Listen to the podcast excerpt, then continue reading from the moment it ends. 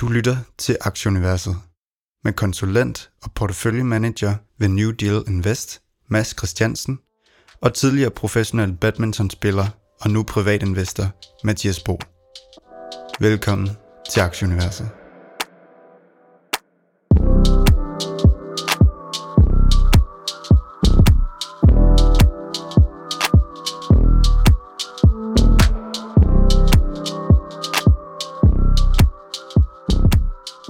Velkommen til 64. 20. udgave af podcasten Aktieuniverset. Det er i dag lørdag den 18. 12. 2021. I dag der skal vi se en lille smule på øh, det netop afholdte Fed-møde i onsdags angående pengepolitik. Vi har lidt update fra C-Limited. Så er Caravana kommet en anelse i øh, uvær ved SC. Så har svenske Embracer været ude og lave opkøb. Jeg har også lavet en lille indkøbsliste med et par aktier, som øh, jeg nok øh, køber i den nærmeste øh, fremtid. Den her øh, strategi mod, øh, at, at jeg kun er i blue øh, chip, den er desværre ikke fået allokeret helt om i siden, øh, inden, inden det her crash er kommet, så, øh, så nu ser jeg ikke nogen øh, vej udenom at, at få købt lidt op i noget af det, som, øh, som er faldet meget i min portefølje, og så, øh, så tager jeg også et par nye med. Det øh, kommer jeg tilbage lidt til lidt senere. Vi har lavet interview med CFO hos uh, WeOrder, også kendt som Quick Order her i Danmark, Lars Havsted. Og uh, godmorgen, Mads. Godmorgen, Mathias. Kan du ikke lige hurtigt forklare, hvad det er, WeOrder laver? Jo, de, øh, de er det, man kalder en point of sale øh, SaaS-virksomhed inden, altså inden for, øh, for food delivery og restauranter. Så de hjælper restauranter med at varetage øh, betalingerne på en simpel måde, så, og, så kunderne kan gøre det via en app. Så, øh, så, så, så de digitaliserer alt det her omkring at vælge menu og, og betale og, og, og så videre, øh, og, og udvider øh, mere op og ned i restauranterne. De siger, de kan øge restauranternes salg med cirka 20 procent. Lad os lige øh, kigge på indeksene, Mads, fordi det har været en øh, ja, lidt skidt uge igen. Øh, S&P er nede næsten 2%, Dow er nede 1,7%, DAX og øh, Nasdaq næsten ned 3%, DAX 0,6 ned og C25 øh, rundt nullet. 10-årige rente i USA den er faldet lidt ned i 1,45 nu, og olien bakker også lidt. Den er lige over 70. Øhm, og det, det var det her længe ventede Fed-møde i onsdag omkring deres øh, fremadrettede strategi. Og det var egentlig en, ja, jeg kan ikke sige non-event, fordi det, det var det jo sådan set, men igen, de gik ud og fortalte lidt det, som, som markedet havde regnet med, at man, øh, man, man trapper ned fra, fra marts øh, 22, øh, og så, øh, så skulle, skulle vejen gerne være banet for, øh, for hvad hedder det, den første øh, rentestigning, måske allerede omkring øh, marts også. Det er ikke, de har ikke meldt sådan officielt ud, hvornår de gør endnu, men det er det, de fleste analytikere, de, øh, de forventer, at den kommer allerede øh, i marts måned. Så er det ligesom øh, forecast forecastet, at der er ni øh, rentestigninger i, i alt, øh, i til og med 24, så, så 3 i 22, 3 i 23 og 3 i 24. Øhm, Fed selv indikerer 8 hævninger af renten til op mellem 1,6 og 1,8 procent. Så øhm, ja, det var en... Øh, jeg ved ikke, om man kan sige tynd omgang, det kan man vel godt tillade sig at sige, men, øh, men det var sådan lidt, som markedet havde regnet med, og det er ret tydeligt, at de går på listefød i øjeblikket, og ikke rigtig tør at, at melde noget øh, sådan rigtig, øh, rigtig aggressivt øh, ud. Ja, og så var det sjovt at følge markedets reaktion der, at, at da nyheden kom, så, så satte det hele sig en lille bitte smule, og så handlede det bare rigtig meget op. Og det er jo bare den her klassiske med, at, at når tingene er usikre og så videre, så, så har folk i hvert fald ikke diamanthænder, og når så at at, at man ligesom får klarhed for et eller andet, næsten hvad enten det er godt eller skidt, jamen så, øh, så, så har man lidt mere øh, mod på at, øh, at eje aktier. Øh, jeg læste øh, en update fra ARK i, øh, her, øh, hvor de er ude også og snakker om, hvad de tænker om inflationen, og de, de ser lidt mere den anden vej, at, at det kommer til at, øh, at normaliseres øh, og falde tilbage. Øh, de mener, at, at vi har fået købt godt ind af mange af de ting, vi skal have på lager i hjemmene og, og, øh, og, og så videre. Så på den måde, så kan det godt være, at varerne ikke nødvendigvis er i butikkerne, men så er de hjemme hos øh, forbrugerne, så de ser den faldende efterspørgsel i løbet af, af foråret. Så det bliver super interessant at følge og illustrere også bare, hvor svært det egentlig er at, øh, at forudse sige, om, om vi skal op eller ned.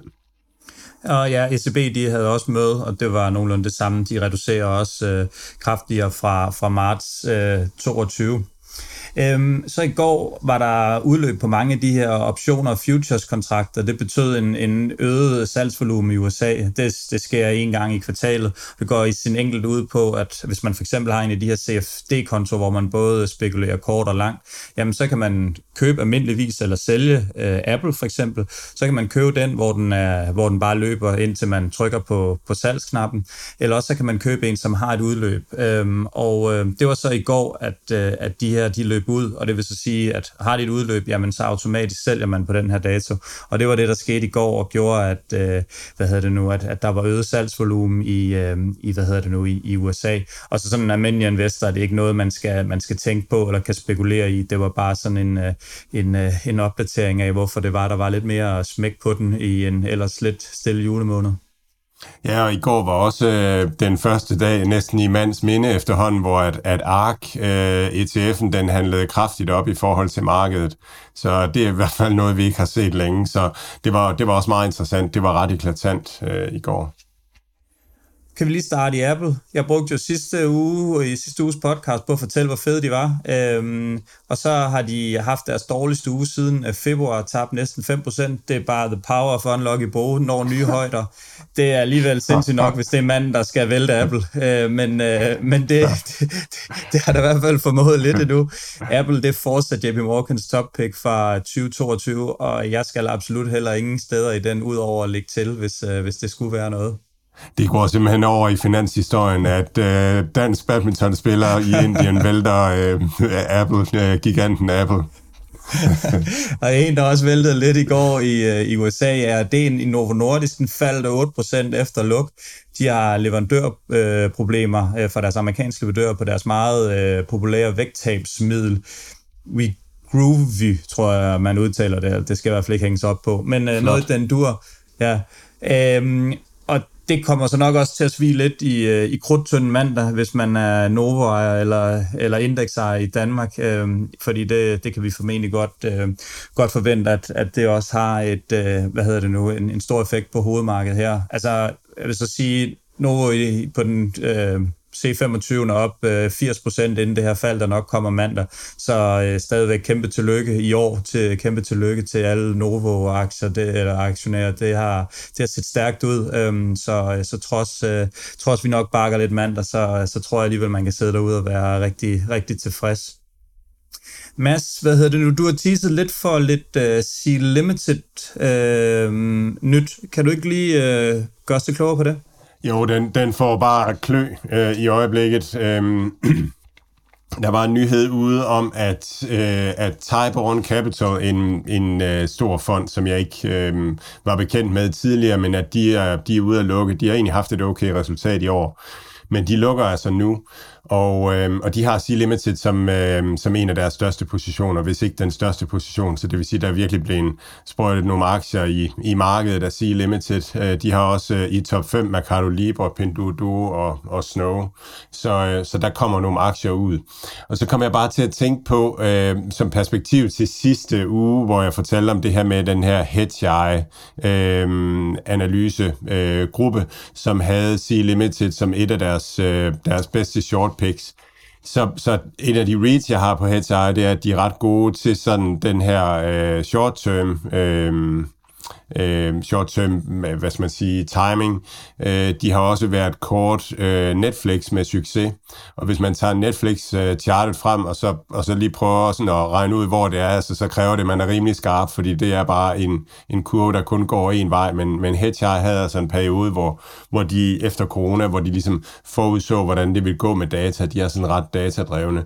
Så min pointe her, det er, at, at, øhm, at det kan godt være, at de har ret på kort sigt. Det kan også godt være, at de har været klar over, at at, øh, at nogle af fondene vil blive presset og begynde at sælge Sea Limited. Der er mange fonde, der har været overvægtet øh, Sea Limited, og, og når de så bliver klemt på maven, jamen, så, kan det godt, så kan det godt blive sådan en selvforstærkende effekt. Så øh, det er det. Gør du noget her, eller hvad? Nej, det gør jeg ikke. Altså, jeg, jeg, jeg mener stadigvæk, at, at det er, er noget nær en historisk øh, opkøbsmulighed i, i C-Limited. Jeg havde virkelig aldrig troet, at den ville nå det her niveau. Jeg tror, 210, det var niveauet, hvor den sådan nogenlunde bundet ud sidste gang. Så, øhm, så det, det tror jeg virkelig er en god mulighed. Øhm, krypto har også haft en lille smule svært, ned en 3-4 procent de sidste øh, syv dage. Øh, Ethereum og, og BTC, som vi primært følger her, 46.000 omkring, og 3800 skal man betale for det. Sjoveste kryptonyhed, der har, eller kryptorelateret nyhed i, i den her uge, som jeg lige har fundet over, det var, at øh, i Indien, hvor jeg befinder mig, der er Prime, Prime Minister Modis øh, Twitter-account, den blev hacket kortvarigt natten til Øh, Øh, onsdag, tror jeg det var, og der blev, øh, blev postet et, øh, et bitcoin-relateret tweet med, at Indien nu officielt havde adopteret BTC, og de havde købt 500 styk, som ville blive givet ud til, til folket. Det synes jeg var, var, var, meget, var meget sjovt. Jeg tror, sådan, uden at træde nogen alt for meget over tæerne, så kan man godt sige, at regeringen i Indien ikke er fans af, af decentralisering af nogen som helst art. Og jeg tror også, det er relativt sandsynligt, at krypto bliver forbudt i Indien i den, i den nærmeste fremtid. Så så det var sådan lidt komisk, at, øh, at øh, ja, dels er det helt fuldstændig vanvittigt, man kan, man kan hacke en, en prime ministers øh, Twitter-account, men, øh, men ikke desto mindre, så lykkedes det i hvert fald nogen. Så, øh, så det var sådan en lille, øh, lille spøjs, spøjs nyhed fra, fra ugen, der, der gik. Og lad os lige blive den her lidt spøjse verden. Jo, Mads, har du en kommentar til det? Jamen, jeg vil fortælle, at, at jeg har rent faktisk fået købt noget rigtig, øh, noget, nogle rigtig krypto-ting øh, nu her.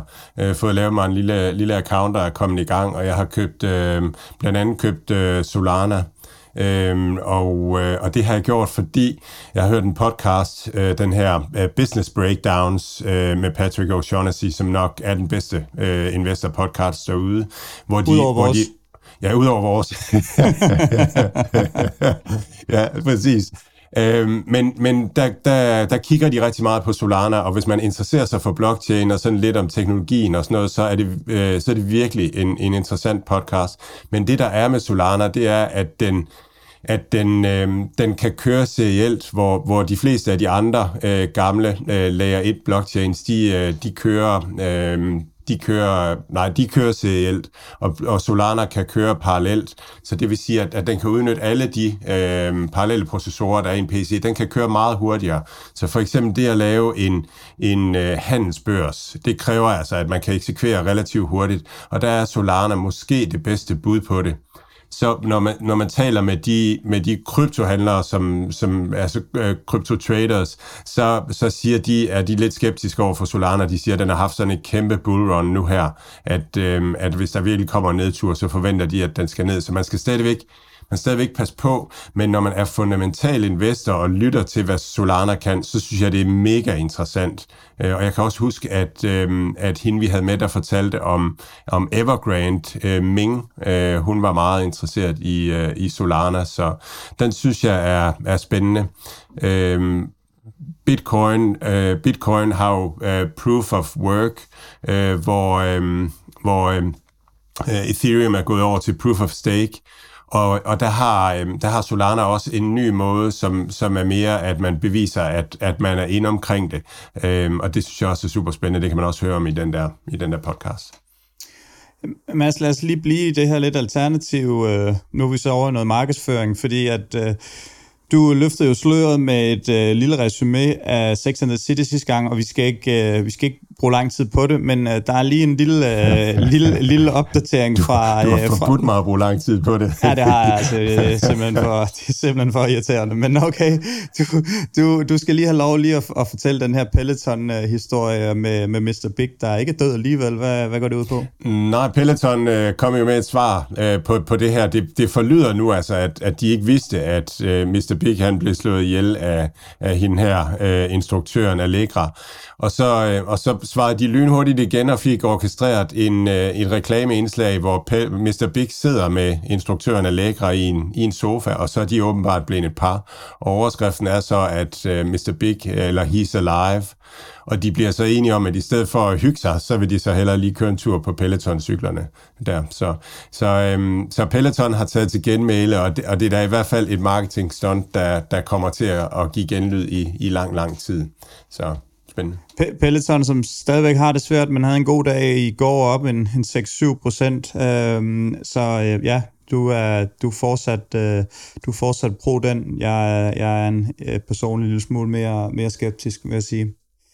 Mads, hvad hedder det nu? Øh, vi havde for 14 dage siden, da vi havde øh, Jan Damsgaard i, øh, på besøg, eller ja, virtuelt på besøg, der, der skulle vi have et, udlove et, et par af hans bøger ved en, øh, en lille konkurrence. Kan du ikke lige forklare lidt den konkurrence, og også samtidig løfte sløret fra, øh, for, de, for de bedste forudsigelser øh, i, den her, i det her spørgsmål, som, som vi lagde op? Jo, jeg har læst bogen. Den hedder Blockchain Business, og virkelig en god indføring i, i blockchain, hvad det er, det kan. Øhm, og, øh, og, og Jan han udlavede to bøger, øh, og, og vi lavede sådan en lille konkurrence, hvor at, at det var sådan den, den, den øh, mest visionære øh, profeti øh, omkring de næste 3-5 år, som, øh, som skulle vinde. Og der er, der er to vinder, og jeg har, sådan, øh, jeg har siddet og kigget det igennem, og virkelig mange gode, øh, interessante ting, det er inde på øh, Aktieuniversets øh, Facebook-side, at, at den her tråd ligger. Øhm, og der var rigtig meget omkring energi faktisk, hvor, hvor, mange ligesom, øh, hvor mange tænker energi ind i det, og faktisk var der en del om atomkraft, at, at det blev mere acceptabelt og måske blev muligt at bruge øh, kerneenergi i, i, mindre, øh, i mindre enheder øh, i fremtiden. Og det er jo en af ARK Invests øh, fem platforme, også det her med energy storage øh, som er der. Tommy Ritter havde en, øh, et, et godt øh, skriv om øh, netop om det her med, med energy storage, og nu skal jeg lige øh, finde den her. Øh, han skriver, at øh, i 2025 har man fundet ud af at lagre diverse energiformer i energifabrikker, hvor strømmen kan opbevares i ugevis uden energitab og til gavn for forbrugere. Og så forudser han også, at, at atomkraft øh, måske er blevet mere øh, acceptabel til den tid. Så var der, øhm, så var der, no, øh, så var der en god en, synes jeg, fra Andreas øh, GV omkring, at, at måske blev det ikke øh, mere en teknologisk revolution, øh, der, der ligesom blev det største. Måske ville det blive en, en kulturel øh, revolution i stedet for. Det synes jeg var en rigtig god, sådan, øh, spændende, inspirerende øh, vinkel omkring, øh, omkring sådan fremtiden, hvad, hvad der ligesom bliver det vigtigste der. Og han, han startede med at skrive, i 1985 blev der lavet en fremtidstegning for år 2025. Øh, og en var, at man øh, kom hjem fra arbejden landende i sin selvflyvende helikopter på taget, taget af sit hus. Og så stod hustruen klar med maden, og det synes jeg jo lyder, lyder vældig, vældig rart. Og hans pointe det er, at, at når man tænker fremtiden og tænker, hvad der sådan kommer til at revolutionere, så tænker man altid teknologi, Øh, og måske bør man i virkeligheden øh, nu, måske mere end, end nogen anden tid, også tænke, at, at der kulturelt kan komme til at ske nogle vældig store forandringer.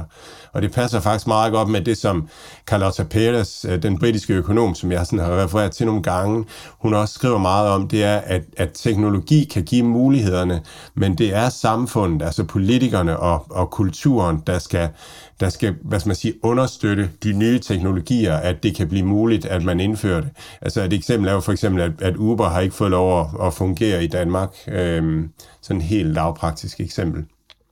Så der var to kandidater, Tommy Ritter og Andreas GV. Og så den tredje kandidat, det er øh, Per Apollo, øh, som skriver om Web øh, 3.0. Øh, og det, der er hans pointe, det er, at blockchain også vil kunne blive brugt til at lære information om øh, mennesker. Øhm, han skriver, at blockchain går fra at omfatte døde ting som teknologi og varer til at omfatte dyr og mennesker. På den måde kan det spores, hvilke blokke levende men- mennesker er i anførselstegn bygget af. Øhm, og, og, og det vil sige, at blockchain bliver ligesom et CV for, for alle mennesker med, med øh, blodtype, muskelfibertype, fordeling, øh, hvor man har gået i institution, skole, karakterer, hvad man ellers har af, af uddannelser og kurser osv. Og så er der lidt debat nedenunder den her omkring, om det er bekymrende øh, eller ej, altså omkring, om, om vi sådan bliver overvåget og sådan nogle ting. Og der, der synes jeg, en vigtig pointe, det er, at blockchain al information er tilgængelig derude på blockchains, men vi er selv langt hen ad vejen herover, øh, hvilken, altså, hvilken del af den information, som vi lader andre få, få adgang til, det ligger, i, øh, det ligger i, i, i den måde, blockchain er konstrueret på til de forskellige ting. Så man kan godt have en, et fuldt opdateret CV, som også indeholder blodtype osv., øh, men, men hvor det kun er dele af det, som er tilgængelige for, for dem, som, som vi giver adgang til. Øhm, de to vinder, det er Andreas GV og, øh, og Per Apollo. Øhm, og, og det synes jeg er fordi de, øh, altså den her med den kulturelle, øh, at det bliver en kulturel revolution, og så den her med blockchain til læring af data på mennesker, fordi jeg synes, det var sådan meget tænkende ud af boksen øh, og, og, og visionært tænkende øh, en, en anden ting, noget som, som overraskede mig og, og gav mig øh, god bund for at tænke. Æ, Andreas og Per, jamen øh, stort tillykke. Kan I ikke sende jeres øh, adresser, fuldnavn og adresser til øh, vores mailadresse aktieuniverset.gmail.com så øh, skal vi sørge for at få øh, bøgerne afsted til jer. Og Mads, jeg synes, vi skal komme over og høre, hvad Lars øh, Havstad har og, øh, og fortælle om, øh, om WeOrder.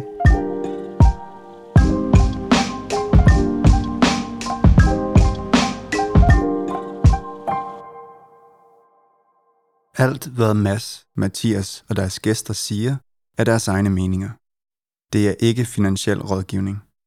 Denne podcast er udelukkende ment som information og skal ikke bruges til at lave beslutninger om investeringer.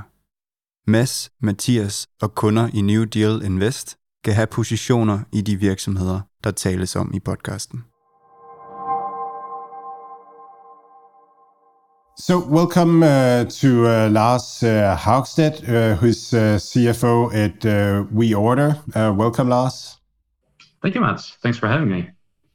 Yeah, it's great. Uh, actually, um, I, I've got around you by one of our listeners uh, who work uh, at your company in uh, in Denmark, and um, and we talked about uh, this company called OrderYOLO and um, the American um, Olo uh, company, and um, yeah, so so uh, he offered to um, to share some insights, and it ended up with us being able to have you on this interview to tell us about your company and make us a little bit smarter on this uh, on this point of sales business model service for restaurant owners.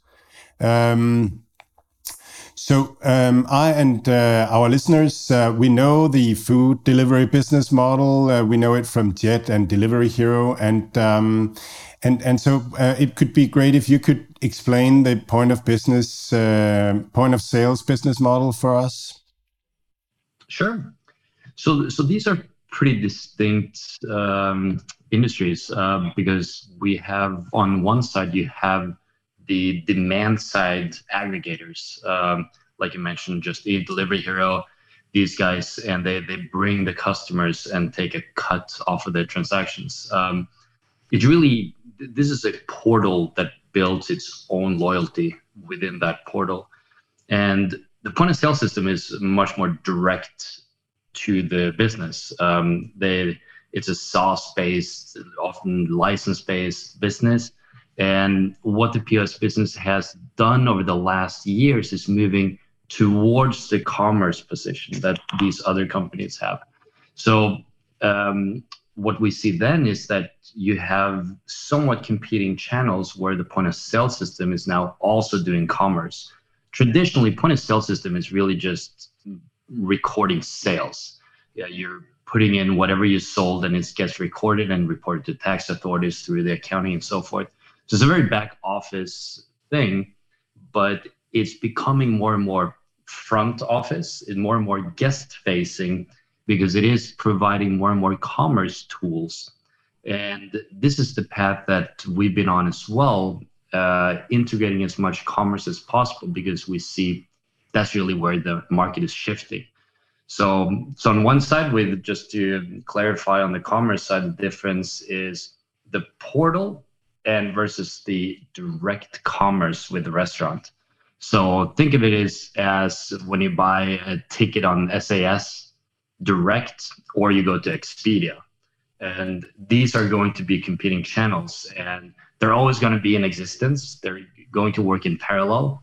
Um, but obviously, there's no question where SAS wants you to order from. And in the same way, the restaurant will want to build that direct commerce. And it starts with the POS, which is the heart, and then adding on these commerce modules on top of it. Lars, can, can you just start explaining us um, exactly what it is you do? um, because that we talked about, then I'm not sure everyone, uh, including me, totally understand the entire procedure. So can you like give, give us three steps of of, of uh, what uh, WeOrder are, are, doing? Absolutely. So WeOrder provides uh, the commerce tools, which basically think of it as an app or a web app. you go to a restaurant, you scan a QR code, you get the menu up, and you place your order. Um, then once you place that order, it has to be sent somewhere. So if you're only in the commerce world, then you might send it in an email form or some other way to get to the restaurant. But if you really want to make this a seamless operation for the restaurant, you have to have the point of sale system. And so we decided that we need to have the entire stack. So when you place that order in the restaurant, we send it to the system that manages all the sales for the restaurant. And that is the point of sale system and prints in the kitchen. So at that point, then you have the whole flow from order to production in the kitchen. We provide the tools for. So one side is guest facing and one side is restaurant facing. So, what is the value prop for the restaurants uh, by using your um, your SaaS system? Hmm. So, typical point of sale system has been very hardware based. You buy this machine that's uh, that's on the, the desk, and then uh, it's a very expensive piece of equipment that you amortize over a number of years, and it may or may not have license fees on top of it. So that's kind of the legacy POS system world. And then the new generation and this includes WeOrder and Quick Order, our our product brand. We offer this as a subscription service. So you only need an iPad to get going, and I, I would argue most people have an, an iPad uh, laying around, so you can get going so easily. You just sign up, and already then you can start taking orders. And every point of sale system that we sell comes with the commerce. Um, so immediately, without much hardware at all, then you're able to now start taking orders. And that's really what starts transforming the restaurant from the traditional operator to the more modern based operator that has the e-commerce tools that restaurant has never had before. So, so, so what, what do you mean by it, it comes with the commerce? So this this is the ordering part. So the part that extends beyond the kitchen and the waiters, but actually you as a guest will now have an interface. So whether you're at home, you're in the restaurant, you can always communicate with the restaurant and send in an order. So instead of calling for a takeaway order, you can now just open their app and place the order and it will go right into production for the restaurant.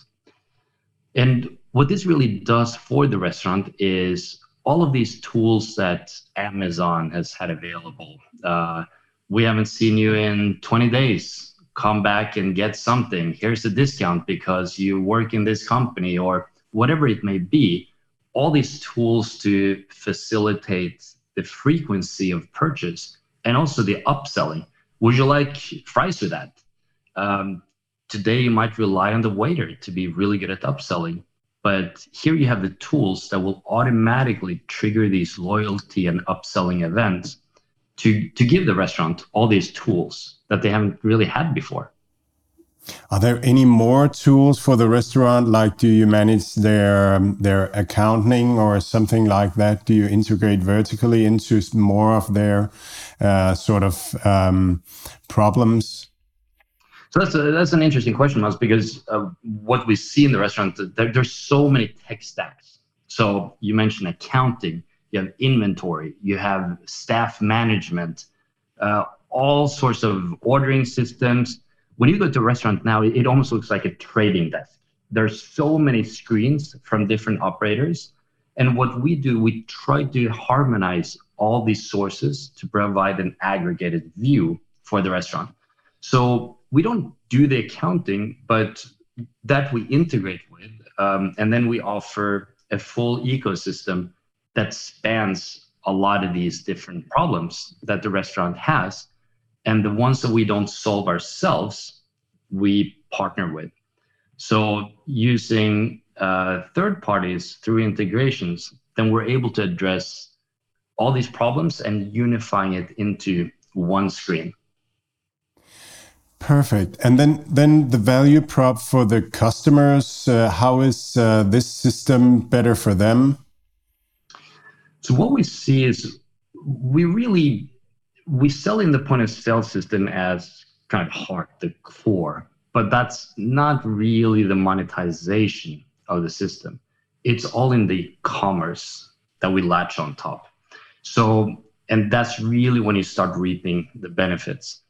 The point of sale system is great. It's very intuitive. You get going right away, and it solves so many problems that the restaurant has. But it doesn't. POS systems don't have guest data traditionally. So they will never know who bought this cheeseburger. And that's where commerce goes on top. And that's really our value proposition is that it's such a unified stack where we can extract guest data. We know who went to the restaurant, gender, age, all sorts of demographics that we can utilize to make more sales. And all these data points are combined into providing actionable insights for the restaurant. And a good example um, is on staffing. Huge problems for restaurants today. They, it's so difficult to get staff in general, and this is not just a Danish problem. It's a Norwegian problem. It's a global problem. Um, restaurants struggle practically everywhere, and uh, especially after the pandemic, when a lot of people were laid off and just never returned to the industry.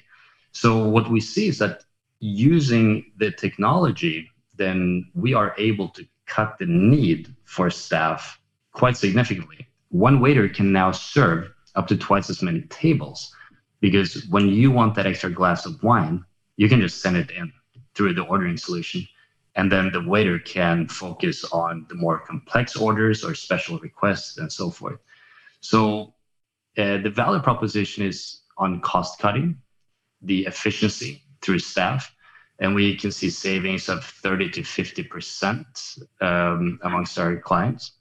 And then on the revenue side, we're able to do more revenue per guest. We increase frequency and we increase increase the basket size. When we compare the digital orders to the non-digital, then it's about 20% higher digitally. And that's because we prompt these upselling. Would you like fries with that? Would you like a Coke? Would you like a dessert? So another thing is that uh, I, I heard this concept of fly through instead of drive through. That as a customer, you get the ability to to get your things faster. You can order on your way home, and uh, and then you can just uh, pick it up quickly. Hmm, exactly, and I, I think uh, fast food is a segment we don't really touch, but on the fast casual type of restaurant, if you're wanting to just pick up takeaway, then calling is very old fashioned. You're not going to have the menu in front of you, and the restaurant's ability to communicate the menu is so poor. But providing pictures and all these mentioned upselling opportunities, then the guest experience is much better. And you can also get your order status. So you know when it's done. Last, um, I, would see like the with the takeaway and and as you say, order it on your way home or uh, or something like that. Obviously, the big uh, uh, uh, competition will come from Just Eat and, and some of the big fish in the market because it's basically just uh, a box you can tick there on their side and then you can go pick it up. Um, I, I really like the idea and especially in in in Europe where we don't really know what service is. Right, if you go to a restaurant in US, they live of they live live the tip of the service. If you go to Dubai, you have uh, four waiters around you, or even here in India where I am. But I always make fun and say in, in Europe we don't know what service is, right? So I guess it's it's pretty easy to integrate this kind of QR code uh, payment link also for the restaurants because people they don't want to sit including myself if i've been to a restaurant i don't want to sit five minutes and wait for for the bill to come right so it's pretty integrated for for the especially Scandinavian people, uh, north of Germany and so on. Is that how you see it also, that, that this is really something that helps the restaurants and it's pretty easy to integrate? Absolutely. Um, and um, I'm glad you touched upon also on the delivery side because typically you have three ordering types. You have the delivery, which is a whole industry of its own. Then you have the takeaway that delivery moved towards and now offering. And then you have actually the, what we call the in-seat ordering. You're actually in the restaurant. And this experience is much more complex. And I, I think we solve a lot of pain points regardless of how you want to visit a restaurant. Some people just want the food quick. I don't want to talk to anyone. Just give me the food. I'm out of here. It's a quick power lunch. Um, but then you also have the experience.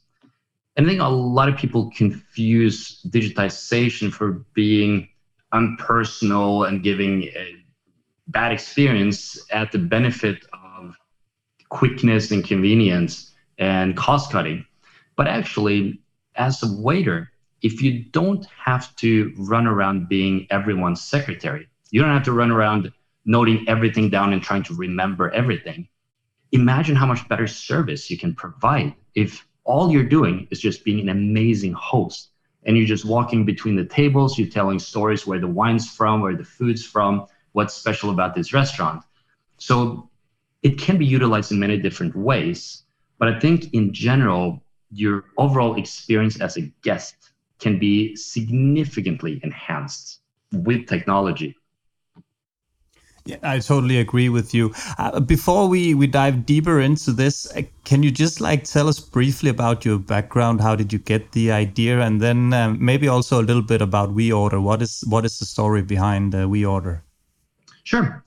So my background is I, have 10 years of experience with management consulting and investment banking. Um, so I, I, come from a very different industry, but um, used to analyzing, uh, I guess you can say. So a friend of mine and I, we started looking at um, what is the next big thing. Um, I was about to do an exit from the bank where I was. Um, that was sold off, and then he was doing his exit um, in another industry. And then we both like hospitality.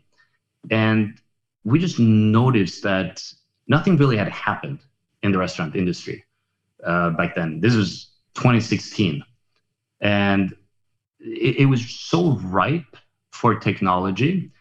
And the other verticals in the hospitality industry, airlines, you, you would never dream back, even back in 2016, to call an airline and book a ticket. You wouldn't call Hilton and book it, book a hotel room it, was just so weird. But it was the most natural thing in the world to call the sushi restaurant for a takeaway order.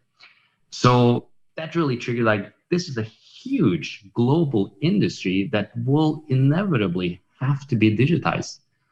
So what really triggered us was this macro shift towards digitizing a whole economy and just the, the magnitude of this industry. So I think what we underestimate is the complexity of restaurants. Um, the how many different types of restaurants, how many different types of experiences, ranging from the fine dining to the fast food and so forth. But We Order is really built to handle so many different types. And as we grew, we also saw that it has to be a very adaptable technology into different types of guests, into different types of restaurants. But we've always stayed true to our core market that we're not going to touch fine dining, we're not touching fast food, we're pretty much everything in between. Um, so that's how We Order really came to life and being very guest focused. At back then, we didn't want to touch point of sale system. Everything that happened back in the restaurant we we left to others. Let's just integrate them. Let's just send the order in and let them deal with the accounting and taxes and inventory and all of this. And let's just focus on providing the best possible guest experience. But as we grew and as the product matured, then we saw that it's very difficult to build the best possible product if you don't own the entire stack. if you're dependent on a developer at a third party POS system to actually build something that you need, maybe more so than what they need. So that led to a transaction with the Danish company QuickOrder. And QuickOrder was a point of sale system. And they were dabbling into the commerce space, and it was just a perfect fit. We coming from a guest focused commerce side, they come from the restaurant back office, uh, all these the admin tools of the restaurant. And combining these two businesses um, made us who we are today. Um, and we created a unified platform that we call Quick Order. Um, and then the holding company is called WeOrder to avoid any confusion between the two names. I think Google and Alphabet, so, so we're on the top. Uh, somewhat of a uh, parallel, but still. Uh, so, so that's really how WeOrder came about. And um, WeOrder's focus is providing the optimal tools for restaurants to give the optimal guest experience because we believe it's a combination of human and machine. And that is much more complex than just being machine, just being a kiosk at McDonald's. So um, thanks for that. Very yeah, very interesting. I really I really think it's interesting. Also this um, yeah, that, that we've been focusing a lot on on the um, food delivery companies. Uh, been talking a lot about them, and and suddenly uh, you come from a, a, different angle. But I'd like to lay, lay it out to you broadly, just to hear your thoughts on who do who do you see as your competitors uh, primarily. If you could take us through which categories of businesses you see as your competitors. So we we would never really regard the delivery companies as a competitor. I, I think they're always going to be around. They're always going to have um, their mission, um, and it, their mission is at the cost of the restaurant. They're they're just so expensive for the restaurant and should be treated as marginal additional sales. But you can't base your entire customer base on the delivery services.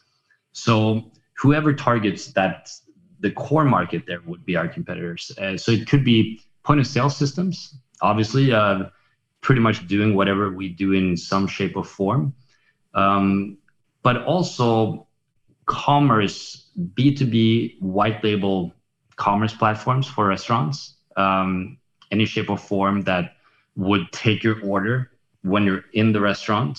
Um, that would be a competitor to us. Um, this is a fairly new industry, so you don't have a lot of listed companies in this space. Um, so it's it's undergoing massive, massive, massive growth, and somewhat piggybacking the growth of delivery companies. Um, but um, but keep in mind, delivery orders is only a fraction of the restaurant's revenue. Then we address everything else, and the more we can digitize so that remaining say 90% of the revenue that is really the big market. And there's going to be a lot of competitors flocking to this space as we see this industry matures. But still we, we are one of the biggest in this space in the nordics. Um, but we do see competition arise all the time. So i think um, I think uh, food delivery uh, could be considered as demand aggregators for uh, for dining, um, and and I, I feel that that you could be considered somewhat the same. So is, is that is that a correct assumption? And and if so, then then I see you might be moving the same place. I see food delivery companies trying to aggregate demand and uh, and do a service for their restaurants in that way or do you think what do you think of that? I think the the main difference is that the delivery companies operating a portal. They will build their own customer base. And it's a very costly approach going into the b2c space. So they build um, a following. So when you place an order on with Just Eat or with Fedora or other delivery hero brands, you may not even know which restaurant it is because you're you're so focused on the portal that you're in and this really differentiates them from us in that we provide the tools but the restaurant has to build their own user base we're not going to provide it for them so in that sense now the restaurant has to make that investment if it's on takeaway well then you're going to have to tell someone about it that hey we now have uh, go to our website. You can now order directly from there. Or you're going to have to put a QR code on the table to say that, yeah, you can just scan this and place your order right away. But no one would know unless you, as a restaurant, does something about it. Whereas the delivery guys, they will do it for you. They will list you, and then you will be drawn to that. There's now a new sushi place in the portal. Try it out but we wouldn't do that. So that's uh, that's kind of where we we differ quite significantly. From from the United States, we we when when I listened to Noah Glass from from Olo, uh, he talks about how he also facilitates uh, delivery um, for the restaurants as a part of their service. Um, so I'd like to hear you talk about uh, where you think think things are moving uh, going ahead? Because I expect if you look three five years ahead, I, I, expect that the food delivery companies will try to solve some of the same problems as you do. Um, so I'd like to hear you talk about the competitive advantages of of coming from sort of your point um, being a point of sales uh, business model and and their uh, competitive advantages coming from uh, a delivery uh, point? I think delivery is going to undergo a lot of changes um, because I don't believe it's sustainable. I don't believe it's sustainable to take 20, 30% of the top line for restaurants. If you look at a well run traditional restaurants, pre-delivery, then you may have 10% net margin. And you just can't afford to base your business on someone that will take 20 to 30%. And over time, it's fine if it's just a marginal side business that the restaurant does, but delivery's grown and it's become a more and more dominant part of the industry. So over time, you're going to have margin pressure on these rates. Uh, you're going to have more competition that's going to lead to them having to lower the fees. But really, from the side comes operators like us. So we provide restaurant the tool to compete with that, to have their own offering. You're not paying 20%. Um, you, you pay a fraction of that.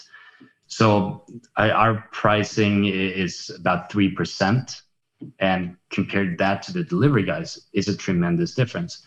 Um, and what we also work towards is providing logistics through third parties. So now with this last mile logistics it's becoming a bigger and bigger thing in many different commerce sectors, then you would have a third party that will deliver the food at a fixed cost to either the restaurant or the guest and this will really challenge the delivery services that orders going to originate from multiple sources and fulfillment and delivery is going to be fulfilled by multiple. So you might see that the delivery guys may only do delivery, they may only do the orders. Um, I, I, think the all in one um, portal being so dominant as they have been I think those days are a little bit over because they have paved the way for so many entrants targeting different parts of the value chain that it's going to undergo a lot of changes.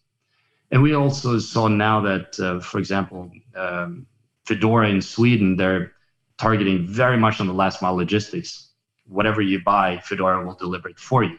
So I think the delivery services is becoming more and more that delivery not just food, but they need to become more logistics platforms.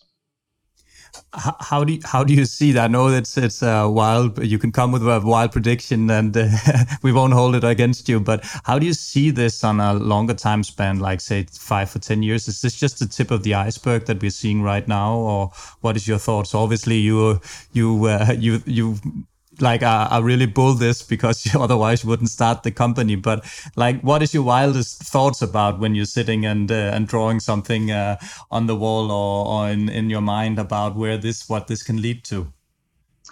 I think the um, the industry as a whole. So so it's interesting from from an investor point of view. Then kind of what what will delivery companies do with these changes and these are smart guys. They will adapt accordingly and they will move towards the segments where they uh, they can be very profitable in this last mile logistics and so forth.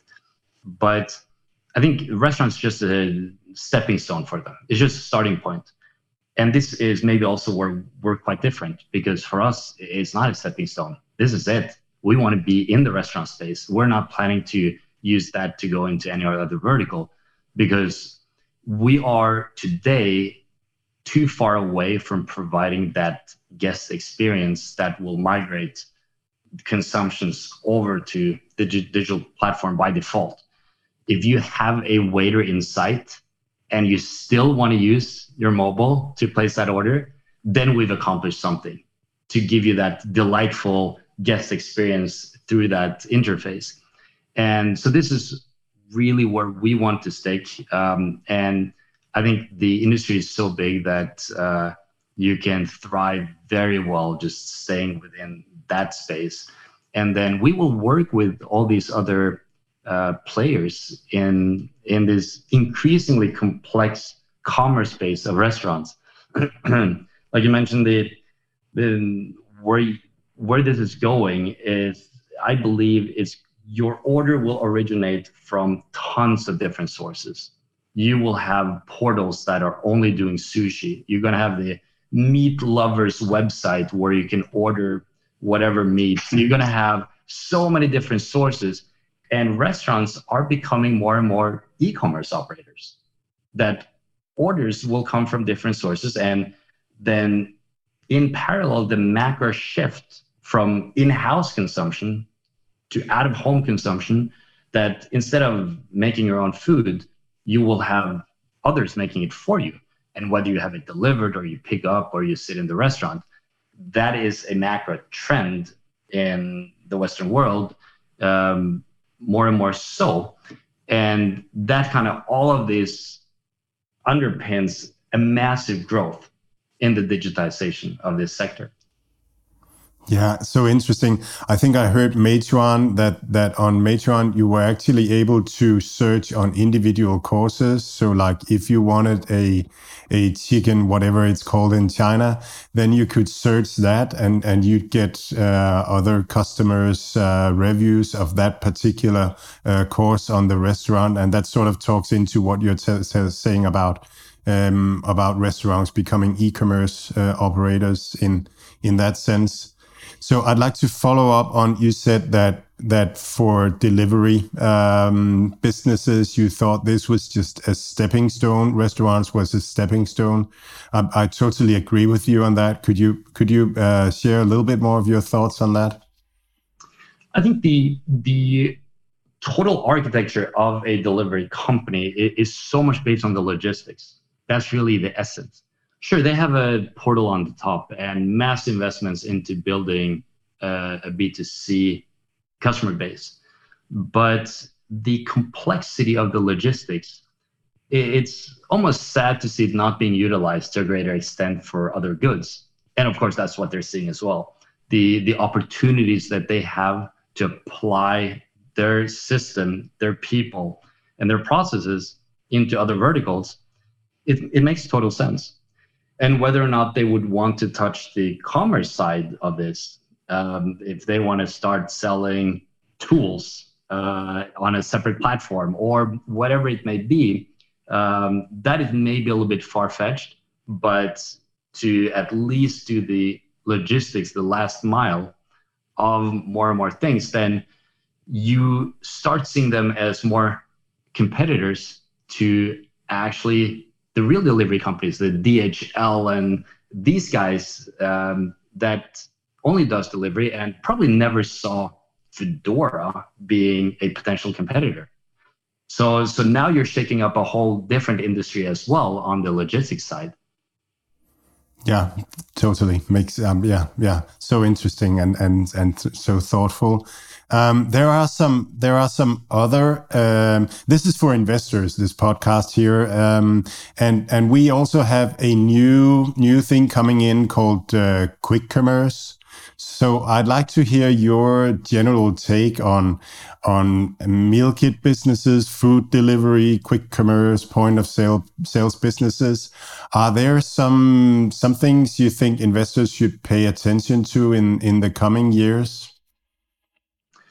I think in general, the people want convenience. People want things to be seamless, um, and convenience comes in many different ways. It can be that uh, the speed of delivery, um, but it can also be more database. And, and I'll elaborate on the difference. Um, for example, I believe it was McDonald's that had when you place the order within 60 seconds, you would have your burger and they would have a stopwatch.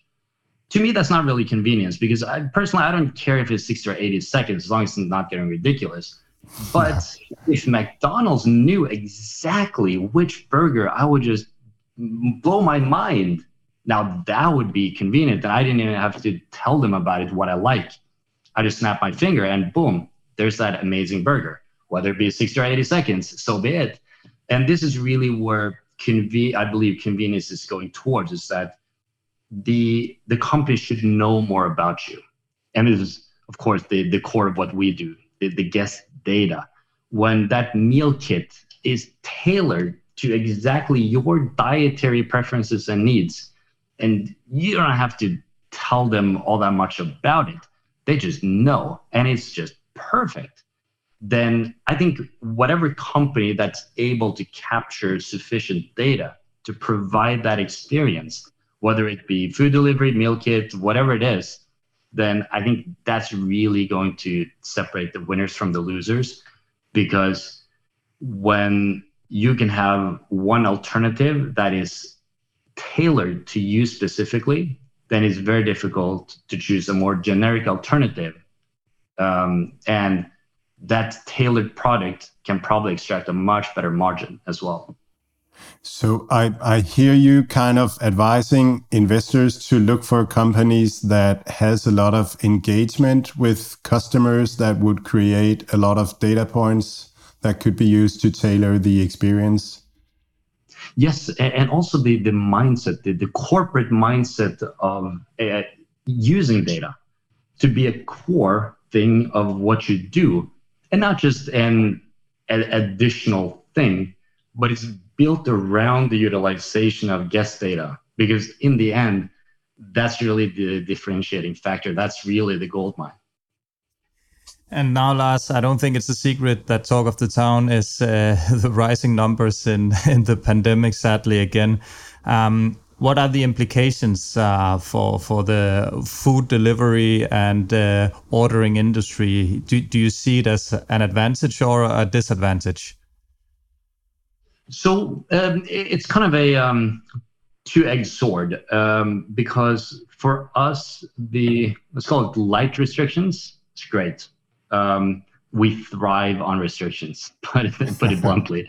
So when, uh, for example, in Norway, then you're not allowed to sell alcohol in a bar. It has to be sold to the table. And bars just don't have the staff to run around taking orders. So they're going to need some tool to do it for them. So, so that's one example of where the regulations really serves us well. And then you come into a much more tightening restrictions, um, and that's when restaurants start shutting down. It's just not profitable to stay open, and then of course, then we forego the transactions, which transactions is really core to our monetization. So, so it really depends on how severe this is going to be.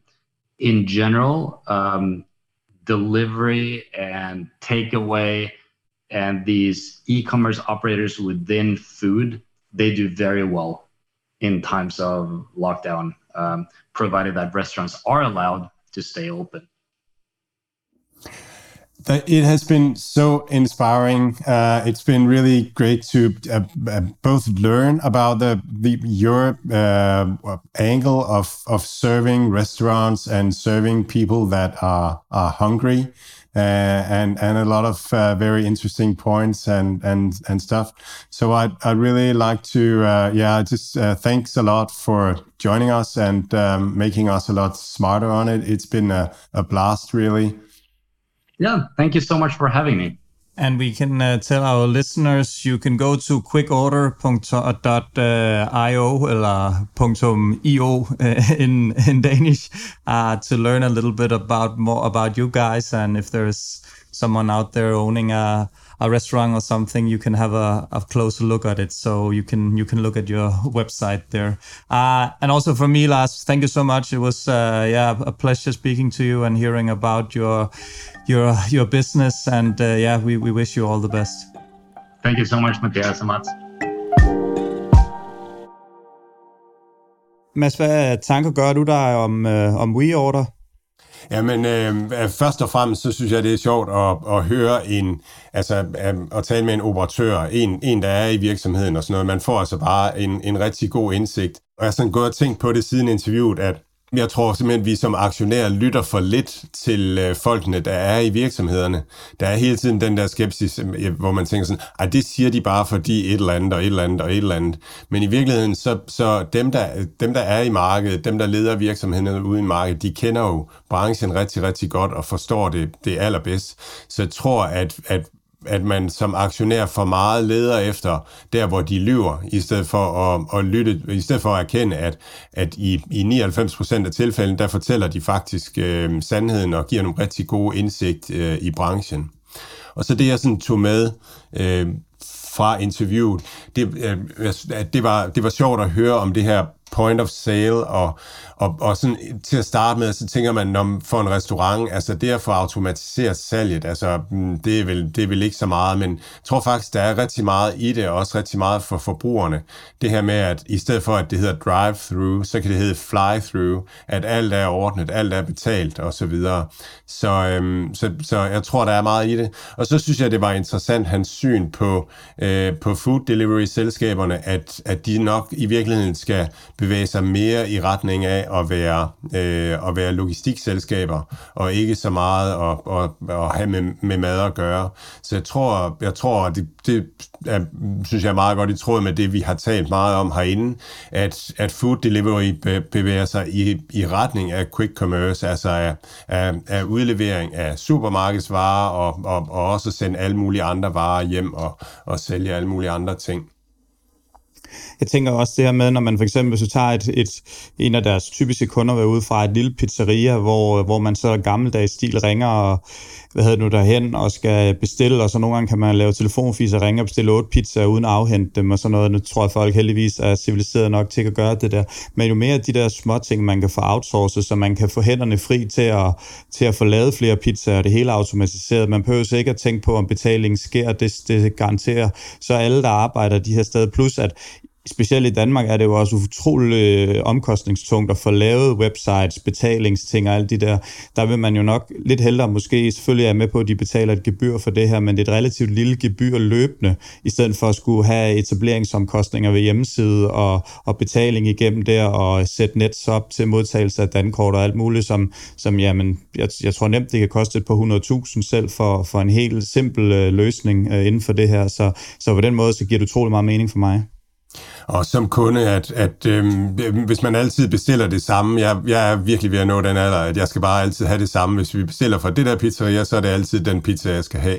Altså, og så, så er der jo ingen grund til, at man skal ind og rode i menuen og finde det frem igen. Altså, så kan man lige så godt bare bestille det, man bestilte sidste gang og sådan nogle ting. Så der, der er bare en masse ting, der, der er smart i det, så det synes jeg var, var mega spændende. Mads, lad os komme lidt videre. Øhm, Embracer, de har været ude og, øh, og handle ind. Kan du ikke øh, lige fortælle lidt om, øh, om det? Jo, de har købt øh, en virksomhed, der hedder, altså, hedder Asmodee. Øh, Embracer er jo den her svenske roll-up for, øh, for computerspils øh, virksomheder, som, som er ved at være lige så stor eller større end, end Ubisoft i, i markedskab, øh, og bare har været en fantastisk væksthistorie. Og deres strategi er simpelthen at købe op, og, og virksomhederne klarer sig bare rigtig godt, når de kommer ind i Embracers øh, økosystem. Der man hjælper hinanden, man vidensdeler, og, og chefen er er en fantastisk kapitalallokator, så, så øh, det, det er rigtig godt. Det spændende her, det er, at nu har de købt en, en fransk virksomhed, som er en brætspilsvirksomhed. Øh, de har blandt andet lavet det her, øh, eller har det her Catan-brand, som er, er øhm, hvad hedder det, Settlers-spillet.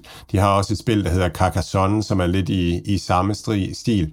Så de får nu en masse forskellige øh, brætspils øh, IP'er, altså intellectual properties, som de kan lave spil på.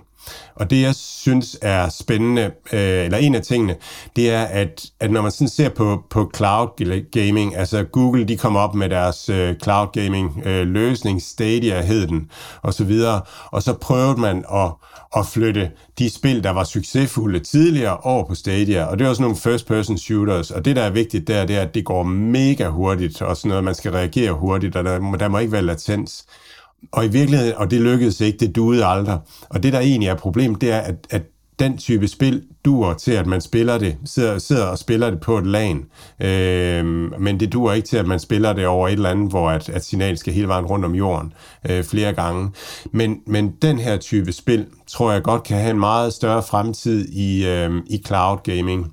Altså at, at man kan sidde og få et spil Settlers sammen, der hvor man er, eller i, i metaverse, eller, eller sådan nogle ting. Så jeg synes, det giver rigtig god øh, mening i, i forhold til, til det her.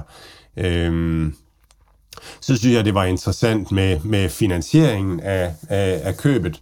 Øh, man køber øh, en stor del øh, kontant, Øhm, og det er, det er anderledes, end hvad øh, Embracer plejer at gøre.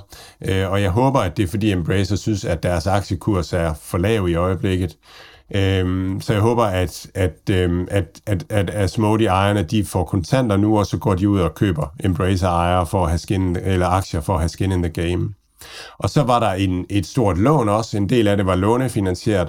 Og det Embracer ud at sige, det er, at den gennemsnitlige rente på lån bliver under 1%. Og det synes jeg også bare er sindssygt. Altså, at man, at man kan gå ud og låne rigtig, rigtig mange penge til under 1% i rente som virksomhed. Det er, det er virkelig spændende.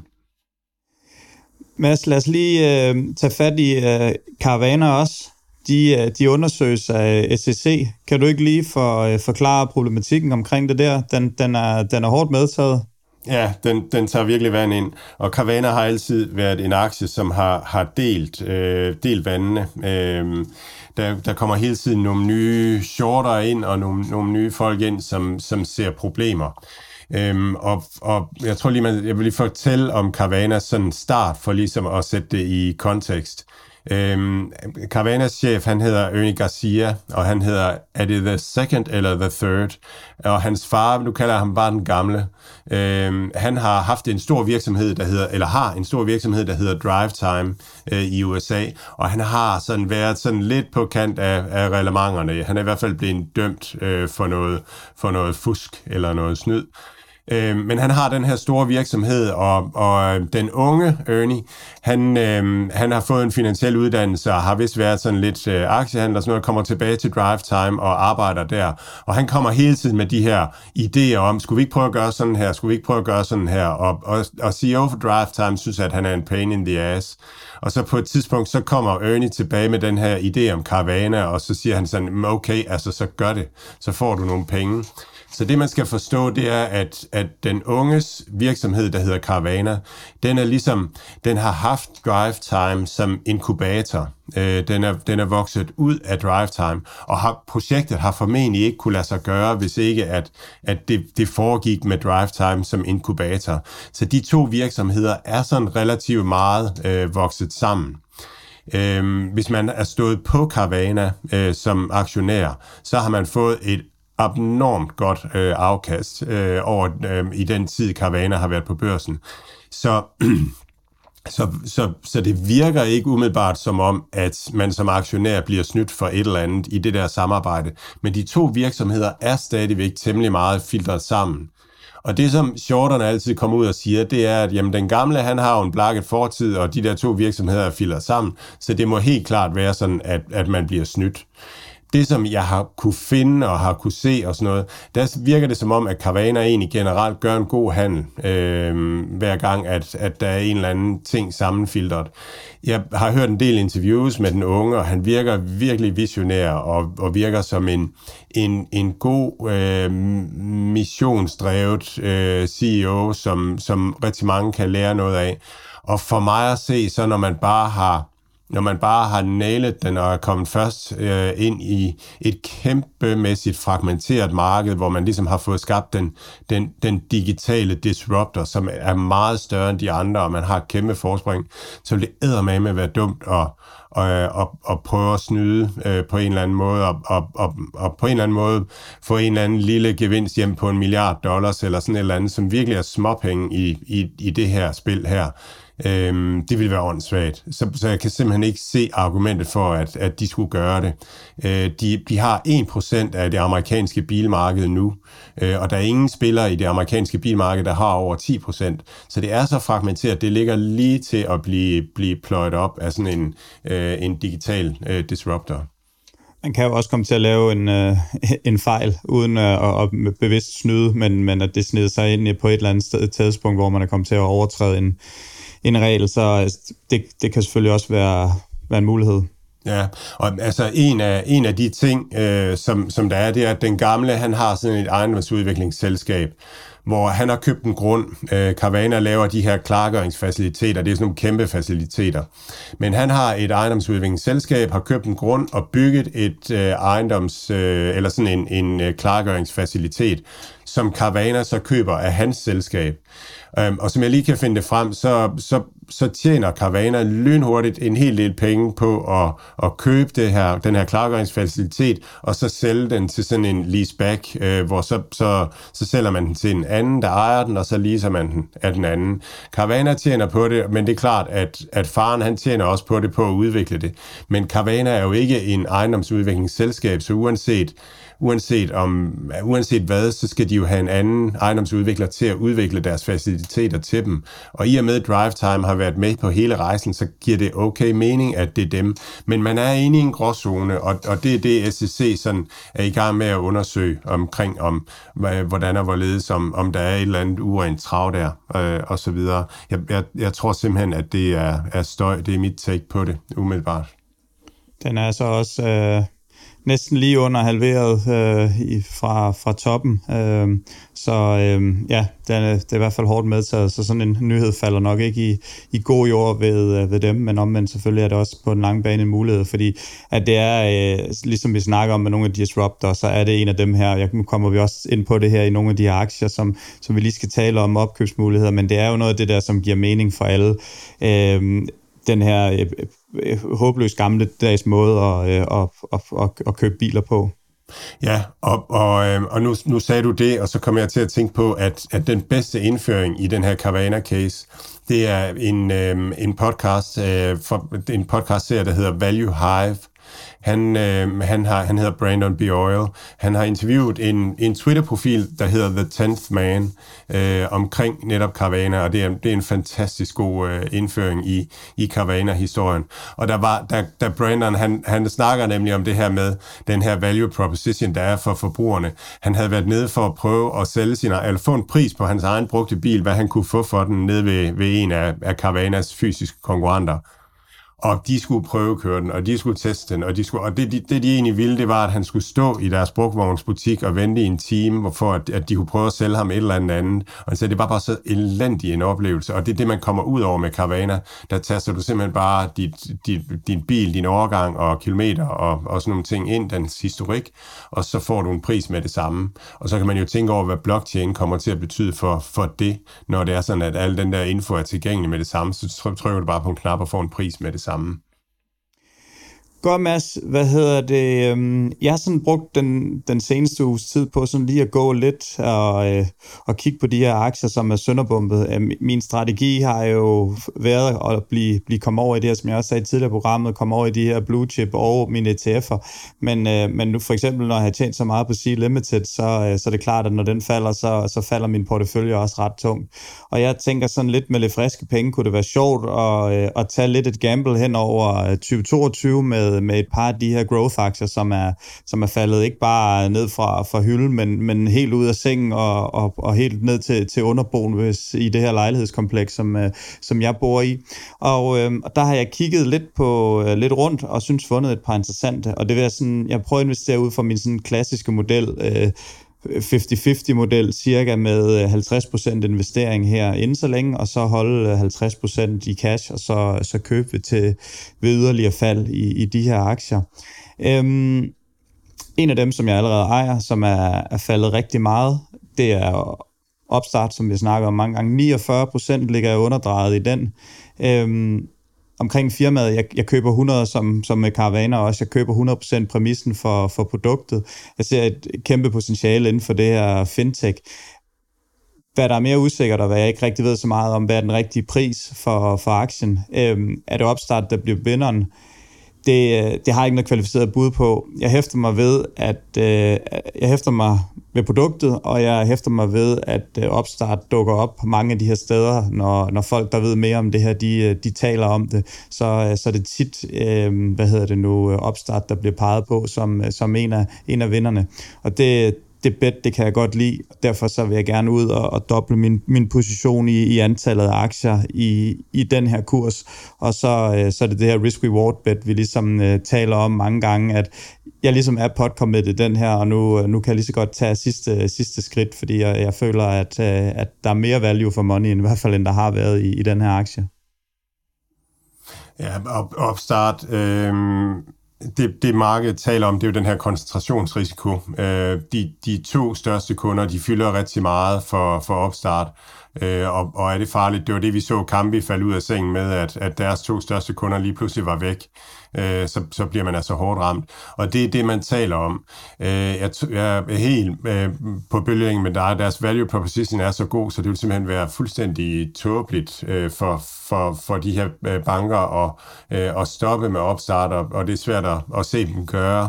En anden ting, der gør mig tryg, det er, at at da opstart var i 400 eller sådan noget, der, der er der en fyr, der hedder Eric Jackson, som øh, har en kanadisk, øh, eller øh, han er kanadier og har en, en hedgefond. Han er ude på, øh, på Yahoo Finance, eller CNBC, tror jeg, og, og, øh, og tale godt for, øh, for opstart og ser et stort potentiale. Og, og jeg kender ham, og noget af det, som, som han er rigtig god til, det er, at han har et kæmpe netværk øh, i USA. Han kender simpelthen så mange mennesker. Så jeg tror, at jeg bruger meget ham som, som udtryk for, at, at, at hvad der sådan vides øh, rundt omkring i kanalerne, det, det, det har han som regel en, en rigtig god øh, indsigt i. Det var faktisk ham, som var bag den bevægelse omkring at få Yahoo til at...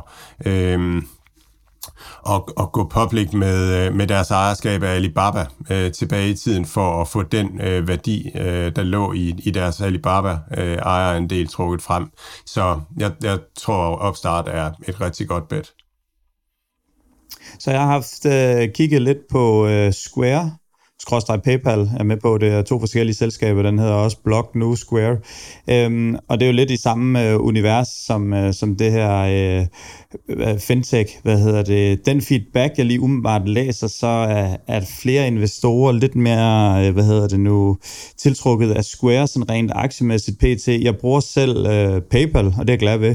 Men øhm, jeg ved ikke her, Mads, har du, har du noget at byde ind med omkring, øh, omkring hvilken af de to her, du vil, øh, du vil foretrække? Jeg vil helt klart tage, tage Square. Det er, det er den nye dreng i klassen og, og, og en virksomhed på, på vej fremad. Øh, også en virksomhed, som virkelig embracer det her, øh, embracer øh, kryptovaluta øh, og, og gør det muligt. Øh, så Jack Dorsey, han er jo stoppet som CEO for, for Twitter, øh, og kan nu koncentrere sig fuldstændig om, om Square, som jo har skiftet navn til Block. Øh, og, og og jeg, jeg ser dem som den, den innovative øh, nye upcoming, øh, der kommer med, med en masse fede produkter og, og en masse nye initiativer og sådan noget, har den rigtige ånd og sådan noget. Så, så det, det er helt klart mit valg af, af de to heste. Men, øh, men ja, det er et super spændende space. Og det er også noget af det, som er spændende ved Mercado Libre og Sea Limited, at de jo også er, er fintech-opstarter i, i, deres, øh, i deres del af verden. 167 US dollars skal man betale for en Square-aktie. All-time high var i sommer til 275, så øhm, der er også lidt at komme efter der, hvis den bare kommer tilbage til gamle niveauer. Og så er de jo, nu har, skiftet, har de jo skiftet navn til Block, øh, og, og så kommer jeg bare lige til at tænke på, at, at Facebook de har købt øh, det navn, der hedder det meta, jeg kan ikke lige helt huske, de giver 80 millioner øh, dollars for at, at købe sig til et navn. Der var en anden virksomhed, der hed noget ala Metaverse, øh, så, så nu har de lige været ude og erhverve det navn der.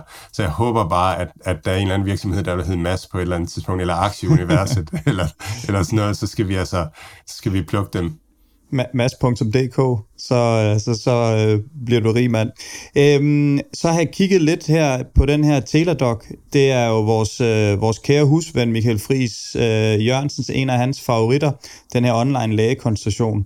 Og det er igen også en af de her brancher, som, som virker oplagt og disruptet, og der, øh, der er du på hjemmebane her, Mads, så det kan du sikkert på og på, om, om jeg har ret i min antagelse, men, men selvfølgelig kan man ikke aldrig nogensinde erstatte en, en, en fysisk læge, og, og de skal også have lov at, at, Øh, at, at rave lidt på en øh, for, for at lokalisere problemstillingerne. Men jeg tænker, en, en relativt stor del af alle behandlinger er noget, som godt enten kan, kan tages over et webkamera med noget eksem på fingrene, eller en, en følelse i kroppen, eller noget, hvor man kan stille en diagnose ud for det her.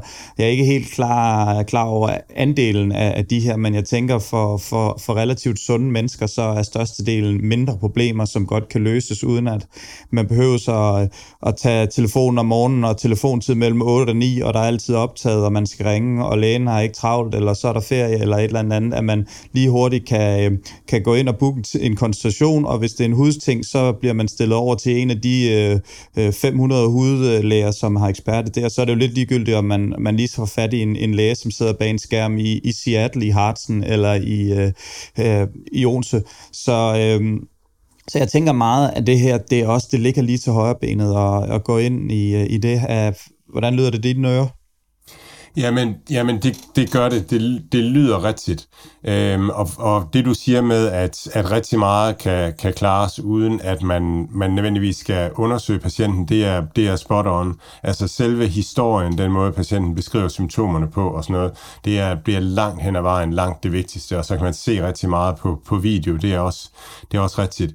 Øhm, og hvis, hvis, man, hvis man tænker i det, altså, så bliver Teladoc jo sådan en infrastrukturaktie. Øh, og jeg skal lige disclaime, at jeg, jeg har ikke sat mig særlig meget ind i, i Teladoc.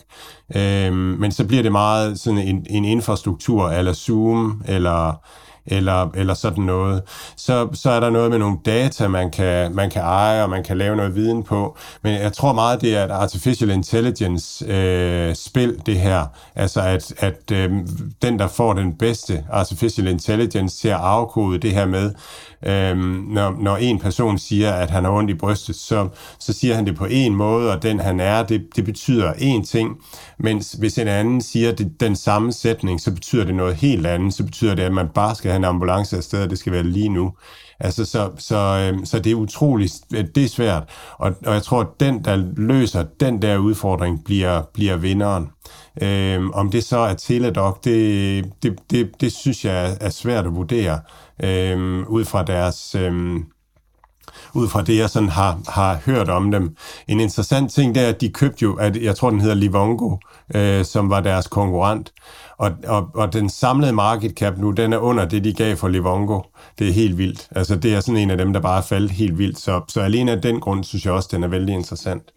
Så PT er de markedsledere, men, men Amazon er jo også ved at lancere et lignende produkt, så det er klart, at det er aldrig så sjovt at have, øh, have Amazon i, i hælene. Det, det skulle man nøde nyde noget af, men, øh, men PT, så, så, så, så ligger, de, øh, ligger de forrest i feltet, og det er jo trods alt oftest en, en, en konkurrencefordel at, at, at, at være markedsleder. Øhm, kursen den afspejler også måske den risiko. Øh, 100 ligger den i. Den var i all-time high i, i februar lige under 300, så, så der er også en, en upside i, af, af den grad, hvis, hvis det skulle lykkes, det her øh, projekt. Øhm, så har jeg faldet lidt over Zoom. De sidder altså inde på en, øh, en cashbeholdning, som er på 5,4 milliarder US dollars. Den vækster stadigvæk øh, tocifret. Det ligner en, en langsigtet vinder inden for det her cloud communication space. All-time high, det var i 433. Den havde en god dag i går, ligesom Teladoc. Teladoc gå op 10%, og, og PT så handler Zoom omkring 200. Øhm, det synes jeg også er et, et spændende, øh, spændende bet, og øh, jeg er selvfølgelig med på, at, at den her øh, man kan sige, guld, guldsæsonen, som vi har haft med alt det her pandemi, det, det er selvfølgelig noget, der har gavnet med Zoom, og jeg tror, at rigtig mange, som sidder derude og arbejder, de glæder sig til at, at rejse verden rundt igen og komme ud og møde deres kollegaer, de ikke har set i mange år, og når jeg tror, ligesom den der hype øh, har lagt sig, jamen så tror jeg egentlig, at man finder en måske en mere balanceret måde at gøre tingene på, så indimellem er det erhverv, men at det ikke kommer tilbage til, til samme, øh, samme grad, fordi at, jeg tror, der sidder mange virksomhedsejere derude, som godt kan se en, en del, øh, hvad hedder det nu, på budgettet, øh, besparelser, hvis, hvis man kan klare det over Zoom, og øh, øh, effektiviteten er, er noget højere, hvis man gør det. Så, så det virker også som om, at, at, øh, at her på den lange bane, at det godt kan være noget, hvor de kan, hvor de kan få stor, stor gavn af deres allerede voksne bruger, brugerskare.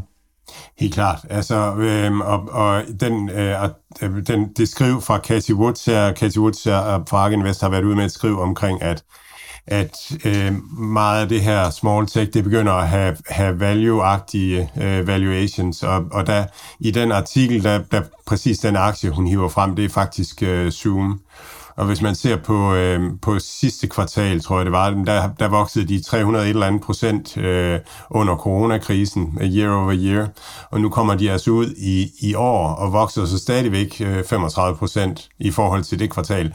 Så man må sige, det er jo ikke det er jo ikke bare en corona-effekt, det er jo, øh, det er jo ligesom et, et plaster, der er revet af, og så, øhm, og så er vi i gang med at, at leve på en anden måde, og, øh, og, og, og, og netop at kommunikere i virksomheder på en anden måde, og, og der er Zoom jo så en af, en af løsningerne. Så det spændende, det er jo det her med, hvordan de konkurrerer med, med, med Teams og, øhm, øh, og, og hvad der ellers er af løsninger derude. Ja, altså ja, vi, vi, vi vi der, når vi optager podcast, og jeg arrangerer da også selv, øh, selv møder, som man siger. Jeg er en af de brugere, som, hvor det ikke lige sådan umiddelbart ligger til højre benet, men jeg tror da nok i hvert fald to gange om ugen. I snit har jeg Zoom-møder, så det er da i hvert fald en af de, øh, jeg så så for nær til at købe den der provision, så jeg bliver kottet af efter en halv time og skal logge ind igen. Det kan også være, at det snart bliver sat ned til et kvarter, så jeg alligevel må få noget, øh, nogle af de fynske dollars op af lommen for at få et ordentligt abonnement, men pt. så er det i hvert fald sådan, det foregår. Så jeg er i hvert fald også flittig bruger af Zoom og synes, det er, det er super funktionelt traditionelt. Øhm, den sidste aktie, jeg har, det er den her Futu Holding. Øh, det er Hongkongs pendant til Nordnet øh, online platform, og den er virkelig, virkelig blevet banket derned på grund af alt det her Kina-polemik med afnoteringer af kinesiske aktier, med øh, regulativer, med, med Kina, og nu sidder masser holder sig for øjnene, det er, det er også okay, det er ikke hans penge, jeg, jeg, jeg, jeg bruger.